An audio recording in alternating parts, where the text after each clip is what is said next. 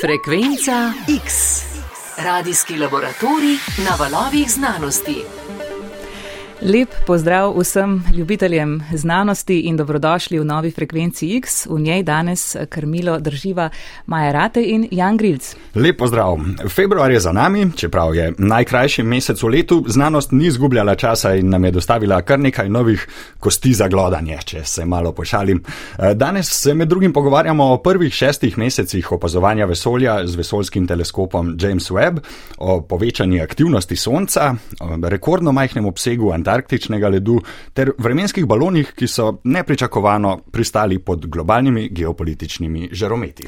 Najodmevnejša odkritja in teme bomo pregledali z gosti. Zdaj lepa lahko že pozdraviva. Prvega izmed njih v studiu se nam je pridružil profesor dr. Tomaš Cviter z Fakultete za matematiko in fiziko v Ljubljani. Lepo pozdravljeni. Dobar dan. Dr. Cviter, v frekvenci smo vam danes poverili izziv, da ste tokratni gostujoči urednik, kar pomeni, da ste nam pomagali malce izbrati teme, ker se namreč v preteklem mesecu veliko dogajalo prav na področju opazovanja vesolja. Pa gremo kar k prvi temi, ki nas pravzaprav že pol leta prevzema s nek sijajnimi ne, in nepredstavljivimi fotografijami. Govorimo o vesoljskem teleskopu James Webb. Zunaj so prve konkretne znanstvene objave, analiz podatkov z weba. Kaj sporočajo? Uh, ja, sporočajo, da je vse bolje od pričakovanj, da vse deluje, ampak to nas seveda ne zanima, zanimajo nas rezultati. Rekla sta pol leta, to ni dolg čas, to je ravno toliko časa, da so se pravzaprav članki iz tega, da so bili pripravljeni preko seveda recenzenskega procesa prebili do objave.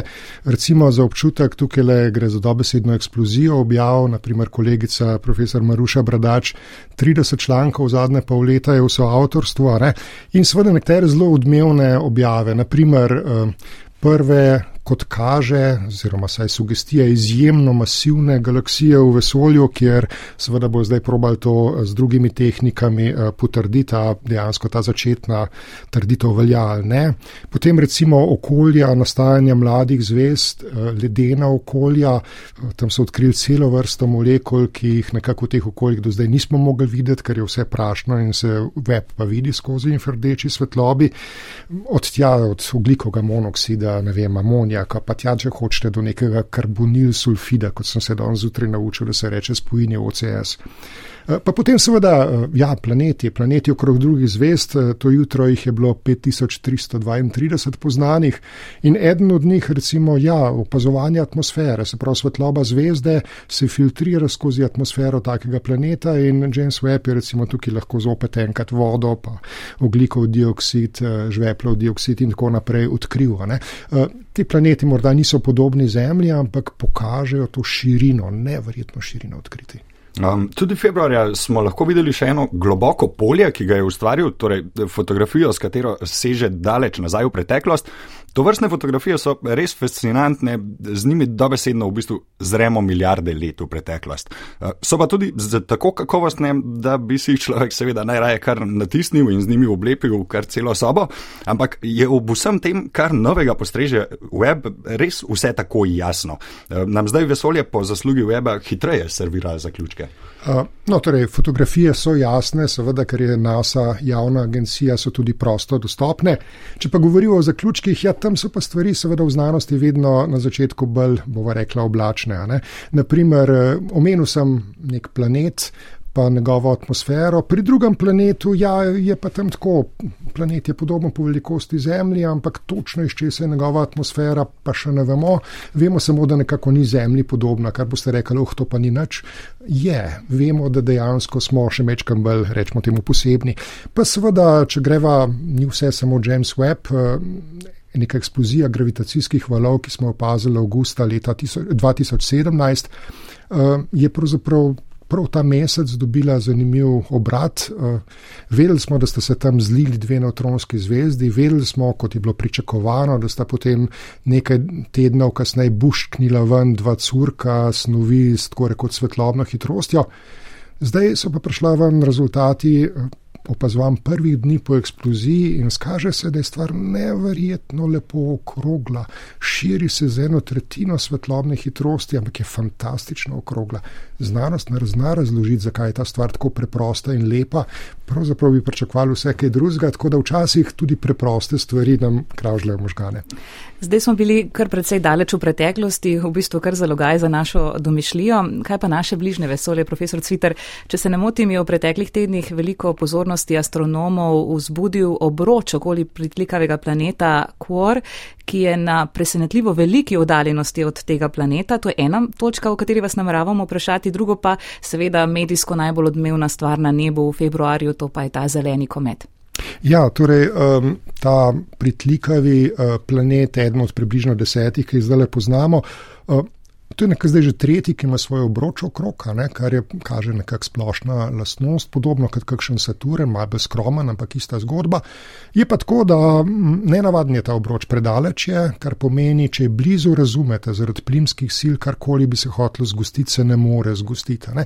Ta je pa nekako predaleč, domnevamo, da se tam skriva še ena lunica in domnevamo, da gre nekako za ujemanja v tem primeru hitrosti vrtenja tega planeta, pa časa, v katerem te um, kamni in drobci v tem obroču pridajo enkrat okrog. Tako da, ja, um, na nek način. Uh, Učimo se, da je zopet enkrat narava bolj, rečemo, več domišljije, kot jo imamo mi. Mi smo mislili, samo tisti bližnji obroči obstajajo, tudi bolj obdaljeni.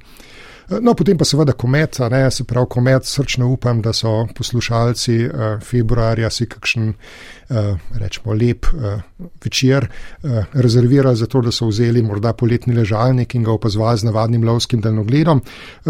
Ta komet eh, je pravzaprav bil, rečemo temu, na eni strani nič posebenega, no poseben je bil samo mogoče po njegovi zeleni barvi, ki so jo dajale molekule eh, C2, se pravi dva atoma oglika skupaj spojena, preden pač razpadeta pod sončevo svetlobo, sta dajala to zeleno barvo.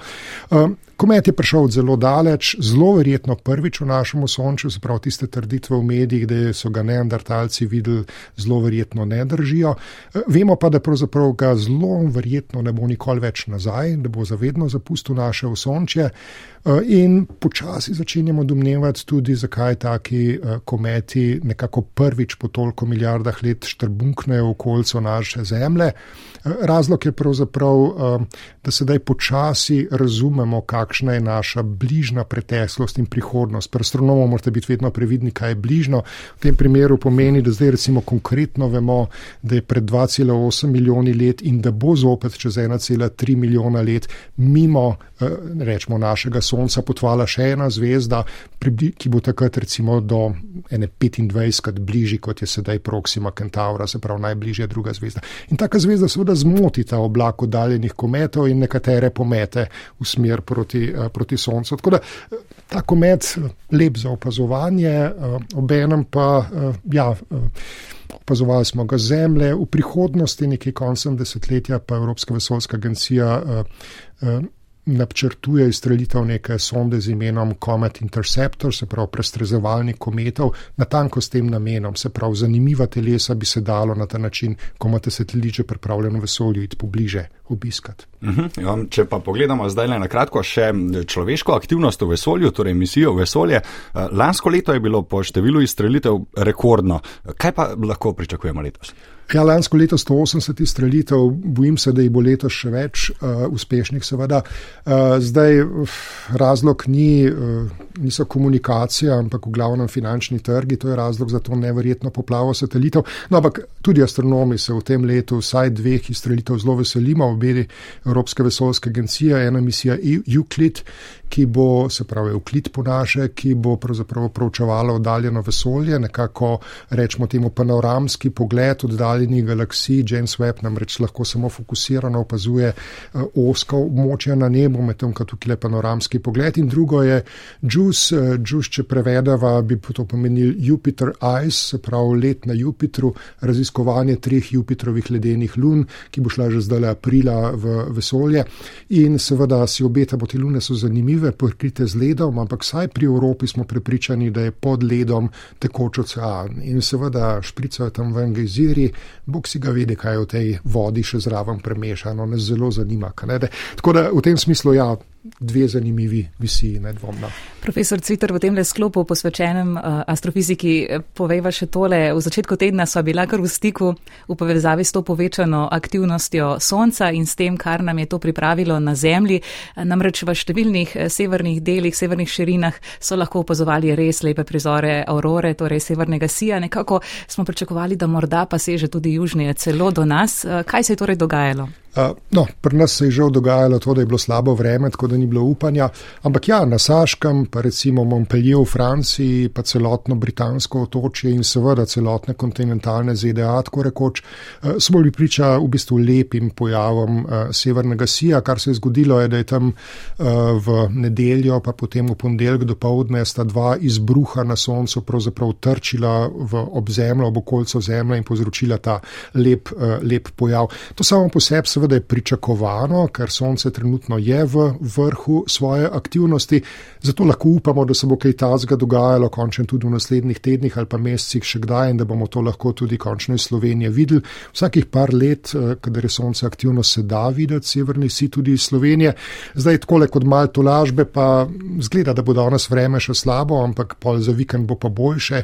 In ja, poslušalci naj pa le takrat, ko se enkrat znoči, se pravi, kaš na sedmi zvečer, stopijo ven in pogledajo proti zahodu in bodo videli dve točki, ene ime Jupiter, eh, drugi pa Venera.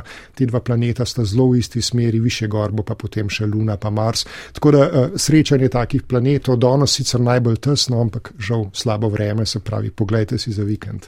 Profesor Cviter, zaenkrat najlepša hvala. Preglejmo še druge znanstvene novice v februarju.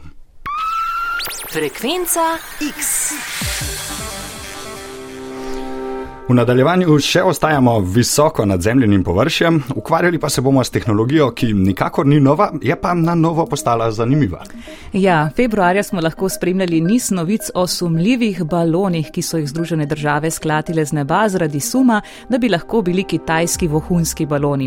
V frekvenciji se ne bomo spuščali na področje geopolitičnih tren, ker pa so vremenski baloni zaradi povečane ameriške aktivnosti pri iskanju neidentificiranih nenormalnih pojavov neprečakovani pričakovano pristali v fokusu mednarodne javnosti in dobili kar nekoliko zloglasen sloves, Sam, smo se na kratko pozanimali o tem, kakšni objekti so pravzaprav to. So res tako sumljivi? No, Maja, ti si se po odgovoru odpravila na Agencijo za okolje. Kaj si izvedela? Ja, na Arsu nad raziskavami in sondažo ozračja z vremenskimi baloni med drugim bdi Luka Ravnik in ne, nikakor niso sumljivi, pravzaprav so nasprotno nekaj najbolj vsakdanjega. Poslušajmo. Vsak dan v nebo po svetu poleti ogromno vremenskih balonov, v ozračje jih spuščajo z približno 900 lokacij. Pri nas vremenski balon poleti vsako jutro z dvorišča Agencije za okolje na Bežigradu. Meteorolog Luka Ravnik. Pri nas je to balon, ki ga napolnimo v jutranjem času, zgodaj zjutraj, nekje okoli 6 ure zjutraj ali pa še malo prej, s, s helijem. Njegov premjer je recimo nekje slab meter. In ti baloni pri nas letijo v višino nekje med 15 in 20 km. Na tej višini, do katere se dviga do uro in pol, balon podvoji obseg, na to pa v kratkem poči in se spusti nazaj na tla. Pod balona je odvisna od vetra v ozračju, zanese ga lahko v vse smeri. Ob samem dviganju pa je na ta balon pripet inštrument, tako imenovana radiosonda. Na tej sondi so eno je radijski oddajnik in pa inštrumentari za meritve temperature in vlage preko sledenja sonde s pomočjo GPS-ja, pa se določa potem tudi profil vetra. In ti podatki, ki jih v realnem času pošilja sonda, so izjemnega pomena, predvsem za dežurnega prognostika predvsem v poletnem času, ko se odloča za potencijalni razvoj popodanskih neviht, kot potem tudi v zimskem času, ko se odloča o tem, kako vzdržljive oziroma trdovratne bodo dnevne inverzije in morda oblačnost, nizka oblačnost in megla. Po drugi strani pa te podatke potem asimilira avtomatsko tudi v meteorološke modele, tako na globalni ravni, kot tudi za naše lokalne modele na ožjem območju Evrope glede na to, da v zrak vsak dan po svetu roma tolikšna množica balonov, pa kdaj pride tudi do trka z letali, kako v bistvu so obstajajo drug z drugim. ne da, ne da bi tako prišlo do nekega direktnega trka, oziroma o tem nismo obveščeni. Verjetno se je že kdaj kakšno srečanje, bližnje srečanje, gotovo zgodilo. Gre pa za to, da je to usklajeno z Mednarodno uh, letalsko zvezo in tudi seveda z nacionalnimi agencijami za letalstvo, tako da tega se ne sme početi tako na lastno pest. Baloni, kakršne spuščajo pri nas v Ljubljani, stanejo od 5 do 7 evrov, izdelujejo jih v Indiji, ob čemer se pojavi vprašanje, kakšno okoljsko breme predstavljajo. Včasih je bilo to vsekakor veliko onesnažene, sedaj se veliko dela tudi na tem, da so materijali, iz katerih je narejeni predvsem baloni in padala. In pa tudi same sonde, čim bolj okolju prijazni, če rečemo, vsaj delno razgrljive. Dodajmo pa še, da radiosondažne meritve na takšen način pri nas baloni izvajajo od sredine 90-ih let, še prej pa so balone v zrak spuščali kontrolirano, tako rekoč po vrvici, je še dodal Luka Ravnik z Agencije za okolje. Dr. Cvitar, Luka Ravnik je govoril predvsem o vremenskih balonih, ki se v slovenskem primeru raztegnejo nekje do premjera 2 metrov in dosežejo tudi višine do 20 km. Redkejši pa so veliko bolj robustni baloni, ki dosežejo še večje višine. Eh, lahko nesejo tudi nekaj ton tovora in se raztegnejo na velikost eh, celega stadiona. In to vrstni baloni se uporabljajo tudi za raziskovalne namene, se pravi med drugim tudi za pogled v vesolje. So ti nemara sumljivi, seveda v narekovajih? Odvisno, seveda, če ste vojak ali ne. Se pravi, uh, Tako bi rekel, ne, eh, naša atmosfera nas ščiti pred marsičem, pred raznimi delci, pa seveda tudi pred sevanjem, recimo ultraviolično svetlobo, rentgensko svetlobo in tako naprej. Če greste v balon, potem visok balon, potem se vsaj nekaj tega vidi. Recimo primer uh, sonda Sunrise oziroma balon Sunrise je opazoval sonce, recimo tudi v ultraviolični svetlobi, pa naprimer uh, Superbit je bila ena taka sonda tam v sredini preteklega desetletja, ki je opazovala recimo oddaljeno, oddaljeno vesolje prednost, eh, predvsej cenejši so od satelitov, slabost pa slabše vidijo, ker nekaj atmosfere je še zmeraj tam in eh, omejeno trajanje, morda dva tedna ali kaj podobnega, potem pa tudi, če ga ne sklatijo dol, eh, pade sam dol. Tako da v tem smislu omejeno.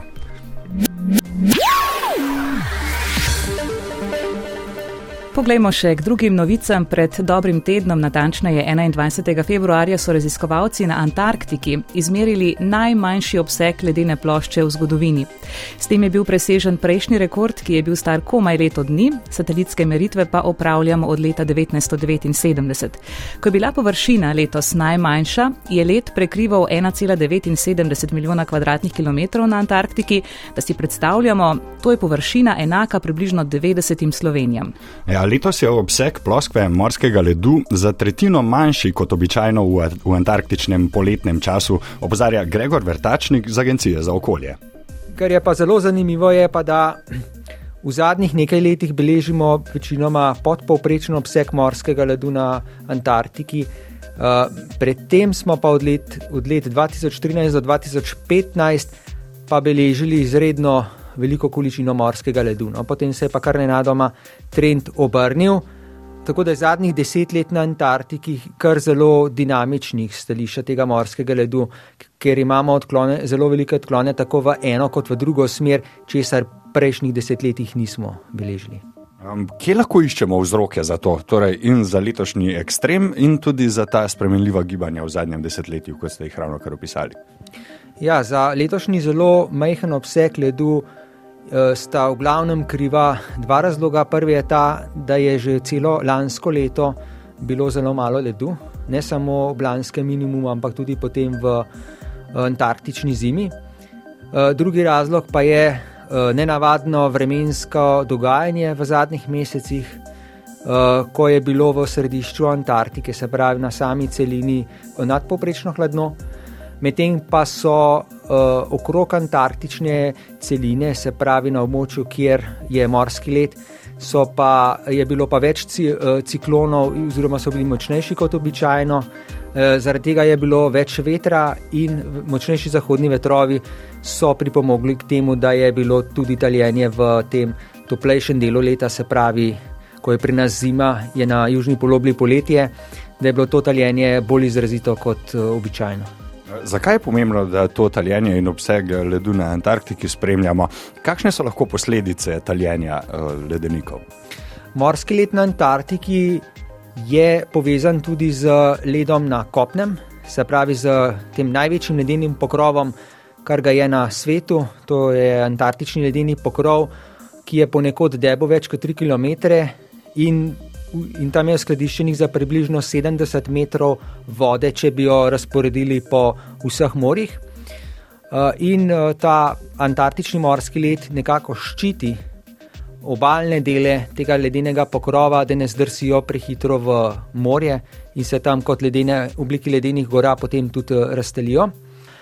In so napovedi dokaj nehvaležne za prihodnost, kažejo pa podnebne projekcije trend proti zmanjševanju tako obsega morskega ledu, kot količine ledu na, na kopnem. In seveda, ko se bo zmanjševala količina ledu na, na kopnem, se bo hkrati s tem tudi poveč, povečevala količina vode v, v morjih in s tem tudi se bo uh, morje dvignilo. Uh, zlasti na območjih, ki so daleč stran od Antarktike. Se pravi, severna polobla bo zaradi dviga morske gladine kot posledico taljenja na Antarktiki najbolj prizadeta. Gregor Vrtačnik z Agencije za okolje še dodaja, da Antarktika vsako leto izgubi 200 milijard ton ledu, ampak eh, to se zaradi velikosti Zemlje zaznale v dvigu morske gladine za približno milimeter na leto. Če bodo ledeniki na Antarktiki zaradi taljenja morskega ledu bolj nestabilni in se bodo talili hitreje, lahko antarktični led že v tem stoletju prispeva k dvigu gladine za več decimetrov. To pa bi v hude težave spravilo mnoga milijonska mesta, ki ležijo neposredno ob obalah. No, v naslednjih minutah pa nekam čisto drugam in sicer na področje naših genov. V nadaljevanju vam na kratko predstavimo novo odkritje, ki cilja na skrivnostno vlogo telomer. Telomere so posebne strukture na koncih kromosomov, ki so jih doslej povezovali predvsem z vlogo pri programirani celični smrti. No, od februarja pa je znana še ena njihova vloga. Več pa vodja oddelka za eksperimentalno onkologijo na Onkološkem inštitutu, dr. Maja Čemažar. V naših celicah imamo 46 DNA molekul, 46 kromosomov, naši kromosomi so linearni in tem koncem kromosomov pravimo telomere. Telomere so določena zaporedja nukleotidov na koncih kromosomov in vsakič zaradi načina podvojevanja DNA molekule se te konci kromosomov malo skrajšajo ko je to skrajšanje tako veliko, da je lahko že nevarno za življenje, je čas za celico, da umre in celica sproži tako imenovan samomor oziroma ta način celične smrti imenujemo apoptoza. Tako da uh, pravimo telomeram tudi biološke ure. Ko jih zmanjka, je za celico čas, da umre. Telomere so tako pomembne, da so leta 2009 dobili za njihovo odkritje tudi Nobelovo nagrado.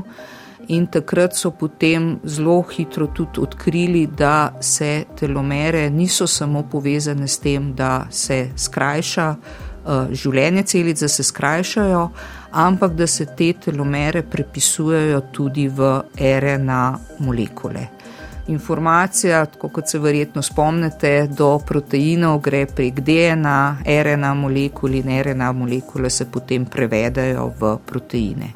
In to odkritje, ki so ga pa zdaj znanstveniki odkrili, je pa to, da se tudi te RNA molekule prevedajo v proteine. Prevedajo se v take kratke proteine, ki so sestavljeni iz valina in arginina, to sta dve aminokisline, in glicina in leucina in te aminokisline, ti kratki peptidi, pa so lahko zelo toksični za celice. In lahko gotovili so, da so povišeni pri raku, gotovili so, da so povišeni tudi pri nekaterih kardiovaskularnih boleznih, da povzročajo unetja. In zato bi lahko to dejansko uporabljali pri diagnostiki. Raziskave so tudi na tem področju, da bi se lahko v levkocitih, ki se nahajajo v naši krvi, pogledali tudi, kakšna je dolžina teh telomer, ki so odkrili tudi, da je to povezan z razvojem bolezni. Lahko bi pa tudi na osnovi teh proteinov, seveda je potrebno še veliko raziskav, mogoče na preprost način imeli diagnostično urodje za ugotavljanje določenih bolezni. Tole vprašanje še eh, pri siceršnjih navadnih celicah, ne, ko se izteče ta dolžina telomera, ne je čas za celično smrt. Kako pa je pri tumorskih? Ja, no, to je tudi zelo zanimivo. Tumorske celice so, tako kot naše matične celice, neskončno dolgo živijo. In to neskončnost, to nesmrtnost jim pa zagotavljajo encimi, ki jim rečemo pa telomeraze. Prav, telomeraze so encimi, ki v nesmrtnih celicah so aktivni in dodajajo te telomere na konce kromosomov, tako da vsakeč, ko se DNA podvoji in se skrajša, potem z encimom telomerazo dodamo te konce, te telomere nazaj na kromosome in s tem se zagotavlja nesmrtnost celic. Sliši se zelo, zelo zlohotno. Ja, to je tako. Tumorske celice so zelo hotne, zelo so pametne, veliko krat pametnejše od nas se znajo izogniti vsem zdravilom in orodjem, orožjem, ki jim pošiljamo v boj proti njim. Tako da so. Imajo veliko lasnosti, s katerimi se znajo izogniti in ostajati nesmrtne. Tako, skoraj smo pri koncu in pod točko razno, profesor Cviter, imamo v rokavu še nekaj priporočil. Predlagam, da vi začnete s svojim knjižnim, ki vas je uročilo zdaj le ravno februarja in je povezano celo z geni. Tako je, se pravi, uh, nisem strokovnjak, ampak res ne morem, da ne bi omenil. Naslov je Potovanje naših genov, prvi avtor Johannes Krause, direktor Max Planckovega inštituta v Jeni in zelo aktivni raziskovalec na tem področju tema pa v odličnem prevodu Aleša Učakarja, seveda potovanje ljudi od rečemo 100 tisoč let pred sedanjostjo do danes, vključno z boleznimi, migracijami, kako se vse to vidi na genetiki. Fascinantna knjiga, ki jo ne boste mogli odložiti. Hvala, profesor Cviter, za tole priporočilo, torej potovanje naših genov. Ja, znanost lahko spremljate na različne načine, mi dva z Janom pa tokrat v priporočilo dajeva dve televizijski seriji, zaradi katerih človek kakšno uro pozneje preživi v iskanju odgovorov nad raznimi enciklopedijami oziroma na Google. Ja, februarja ste lahko na prvem programu naše televizije spremljali serijo o Aleksandru Litvinenku, nekdanjem ruskem obveščevalcu, ki je postal oster kritik predsednika Putina in je tragično umrl, ker so ga zastrupili s polonijem. In za vse tiste, ki ste se med serijo spraševali, kaj je polonij, naj povemo, da je to eden od najredkejših kemijskih kemijskih elementov na Zemlji, odkrila sta ga Pierre in Marie Curie, poznan pa je predvsem po radioaktivnosti in seveda potem, da je smrtonosen že v izjemno majhnih dozah. Odraslega človeka ubije že nič celih nič tri mikrokirija, polonija oziroma deleski tek tam nekaj pikogramov oziroma 10 na minus 12 gramov. Ja, neskončno, a vendarle usodno malo. Serijo vam vsekakor priporočamo, prihodnič pa se v frekvenci posvečamo še eni seriji, ki je v zadnjih tednih izjemno popularna po vsem svetu. Eh, The Last of Us oziroma Zadnji med nami je postapokaliptična serija, v kateri kot protagonistke nastopajo zloglasne glive. Več pa Gašpar Andrinek. Pred približno 50 leti je na televiziji nastopil znanstvenik, ki je opozoril, da se bodo v prihodnosti zaradi globalnega segrevanja ustvarile ugodne okoliščine za to, da telesna temperatura človeka ne bi več varovala pred glivami. Tako se začne serija Last of Us oziroma Zadnji med nami, ki sicer sloni na že nekaj časa popularni video igri. Glive se torej zaradi poprečnega dviga temperature prilagodijo, mutirajo in razvijajo v smeri, da se prek hrane naselijo v človeka. Nad njim prevzamejo popoln nadzor in jih spremenijo v zombije, ki bolezen širijo tako, da grizejo druge ljudi naše zaloge hrane, našo prihodnost dajemo v roke glivam, če želite, mogoče veliko bolj zombijevsko, kot to prikazuje film. V frekvenci X bomo s pomočjo profesorice dr. Nine Gunde Zimmerman fenomeni serije in videoigre postavili v realnost in si pogledali, kako se v resnici izjemno obsežna kraljestva gliv prilagajajo na podnebne spremembe, predstavili zombi mravlje in razmišljali o tem, kako glive za človeka niso samo nevarne, ampak tudi koristne. Glive so smetari naravnega sveta. Ja, toliko torej za danes. Z vami so bila Jan Grilc in Maja Rate. Še posebej pa hvala najnemu tokratnemu gostu, profesorju dr. Tomažu Cvitru z Fakultete za matematiko in fiziko Univerze v Ljubljani. Najlepša hvala, ker ste bili z nami in pozdrav, do prihodnjič. Frekvenca X.